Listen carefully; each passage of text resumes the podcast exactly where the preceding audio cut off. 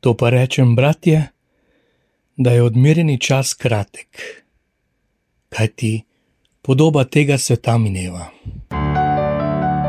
Glas pastirja. Bog živi, dober dan. Danes, na nedeljo Božje besede, si lahko malo pobliže pogledamo njen dinamični besednjak.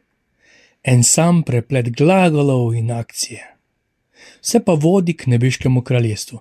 Najprej ko zna Nilu, na to pa dejansko. In začnemo s prerokom Jonom. Gospodova beseda je prišla Jono. Vstani, pojdi, oznani, kar ti povem. On je vstal, šel po gospodovi besedi. Sledilo je potem poslanstvo, klical je, oznanjal, da bodo Ninive in vsi pokončani, ni navduševal, Bog je ljubezen, usmiljen, dobrotljiv. Bolj se je slišalo kot grožnja, vi kar nadaljujte. Čez 14 dni, oziroma čez 40 dni, bo vsega konec. Res se niso spreobrnili, to pomeni srcem, svobodno sprejeli odločitev, so se pa obrnili od svoje slabe poti. In Bog ni storil hudega, s katerim je grozil. Preteklo nedeljo smo slišali, kako Gospod vzgaja. Moja pota niso vaša pota.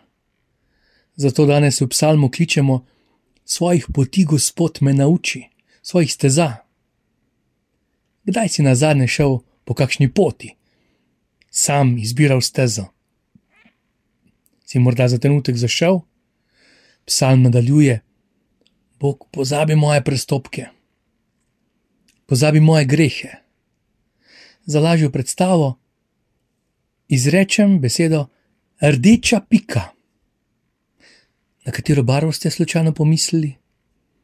Hm, zdaj si pa predstavljate avto in nikakor ne smete pomisliti na rdeč avto.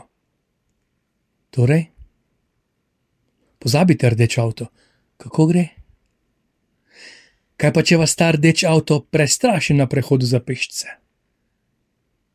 Boste z lahkoto pozabili rdeč avto ali če vas celo poškoduje. Kaj če vam povozi psička in še pobegne z kraja nesreče? Boste lahko kar tako pozabili na rdeč avto. Dobri Bog, ti si nevreten, prosim, pozabi na moje grehe.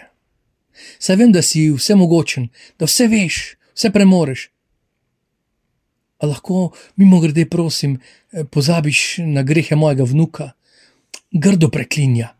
Ampak, ko se pa tako pridno uči, ali pa na grehe moje hčerke tudi, res da ni poročena, ampak me redno, kdaj pa kdaj pelje k maši.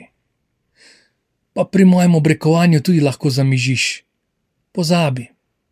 Pa saj poznaš mojo sosedo, ko pa si ne da dopovedati, da me tiste njene čudne zavese motijo boš pozabil, dobri Bog. Kot strela z jasnega, Pavel Korinčan v drugem berilu, odmerjen čas je kratek.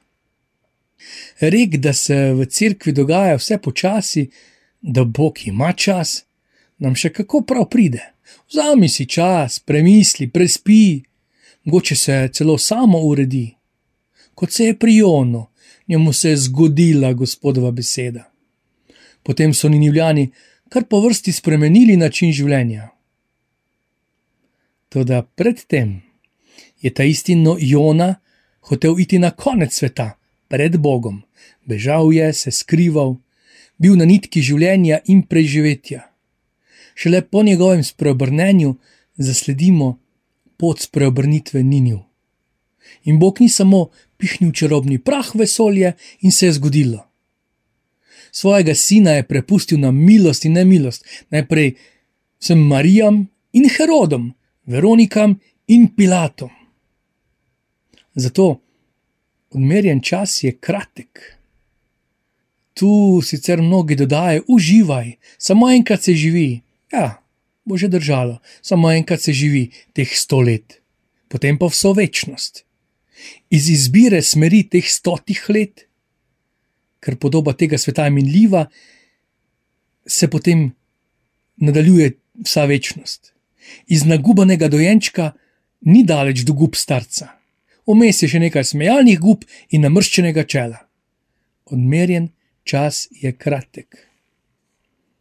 Zdaj pa naravnost Božjemu kraljestvu. Jezus ga oznani, ko govori o tem, je Janez Krstnik že vječi. On, ki ga je še Herod rad poslušal, množice so prihajale, da bi ga videli, da bi ga slišali, in mnogi, da bi jih krstil, torej, da bi lahko začeli na novo. On je vječi. Skoraj kot v današnjih dnevih. Živimo v blagostanju, največja skrb je, ali bo spomladi spet razprodaja balkonskega cvetja in če bo jutri lepo vreme, pa zareže vojna. Potem moj najljubši pevec ni več pevec, se je transformiral v pevko in iz pevke v nekaj vmes. Politik, ki so mu mnogi verjeli, je podlegel korupciji, župnik podlegel čarom neke ženske. Kar je včeraj veljalo za tako lepo, za na naslovnico, je danes že romantisk. Je za spoznanje Božje kraljestvo. In ko vsi pričakujemo, da bo naredil končno red in močno prisotnost Božjega, gre on na sprehod in pokliče štiri možakarje, da mu sledijo. Kaj mora biti v glavah in srcih Andreja ter brata Simona, Janeza in brata Jakoba, da takoj popustijo vse in gredo za Jezusom? Tu preprosto ni mogoče verjeti, pustiti službo, varnost, preživetje, dom, domače, celo ženo, sodeč po Petrovi tašči. No, ampak če se spomnimo evangelija pretekle nedelje, sta Janez in Andrej že preživela en dan z Jezusom. In temu dnevu je sledilo še srečanje Simona z Jezusom. Niso se samo spoznali, niso samo kramljali. Prepričali so se, da je on obljubljeni Mesija. Ta klic na jezero torej ni kot strela z jasnega. Oni so se tu, lahko rečemo, premišljeno odzvali na klic. Ni bilo sprejeto v naglici, vseeno pa je nevreten odziv.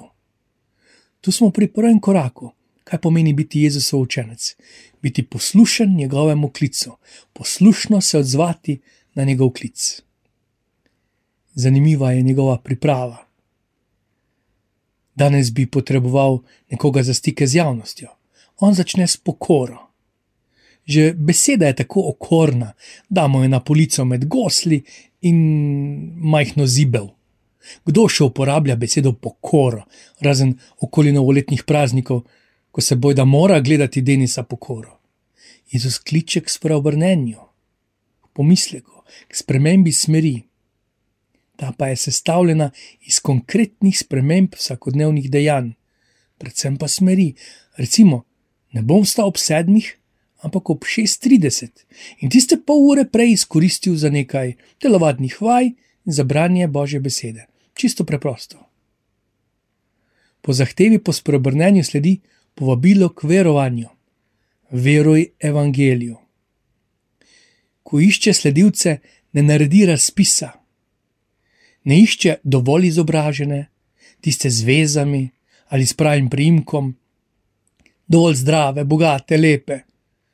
Spreobrni se in veruj, in pridi. Verjeti so morali, da je Jezus vreden, da zapustijo vse in mu sledijo. On hodi in gleda. V Simonu vidi skalo, v Samarjanki vidi pričevalko, v Lazarju vidi očetovo moč, v Janezu vidi nebeščana, v prešušnici vidi ljubečo ženo. On je crkva danes, ki hodi in vidi in prepoznava. Ne kliče v debato, ne v religijo, vabi v življenje, v novo zapoved, v dvojno ljubezen, ljubezen do Boga in do drugega. Vidi mene in v vseh sencah prepoznava tudi sonce. V moji zimi že prepoznava brstje in kleno klasje, v mojem grehu semena svetosti. Kliče mi, sledi mi, sledi mi danes, ne bodi poslušalec, ne bodi opazovalec, kritik, samotar, sledi mi. Zakaj? Rabiš premislek? Namreč zaupanje van je pred argumentom in pred poslanstvom. Štiri mojstrom ribolova, ki so poznali skrivnosti morja in zvezdnega neba, se je odprl čisto nov svet. Šli so za njim, postali njegovi učenci, njegove priče in zaradi njih lahko danes sploh poznamo Boga, ga molimo in slavimo. Res je, da nihče ni nenadomestljiv, je pa enkraten in kot takega me danes kliče Gospod. Ne pusti se prositi, ne zgovarjaj se. Samo en trenutek te loči od odločitve za Boga, ravno ta, zdaj. Si trenutek do nebes. In morda žal, kak korak dlje do pekala. Kličete iz tvoje preaktivnosti ali pa iz cone obdobja. Ni alkohol ali katera koli trda droga najhujša droga, najhujša je ždenje v coni obdobja. In iz te me kliče Gospod. Zdaj morda zveni, kakor da bi slepemu razlagal, kakšna je modra barva. Preprosto mu ne morem. Toda on je življenje in je utrip, on je sveže za misel in je pesem svobode. Kako lepo se bere in prijetno sliši. No, zdaj pa dosti tega lepega. Sledi preprost trenutek resnice, ko tvoje srce zakliče: Moj Bog in moja vse.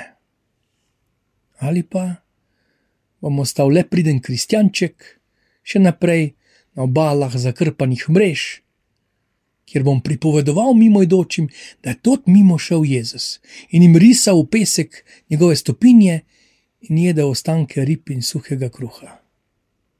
Odrekati se vsemu zanj je začetek bujnosti in rodovitnosti.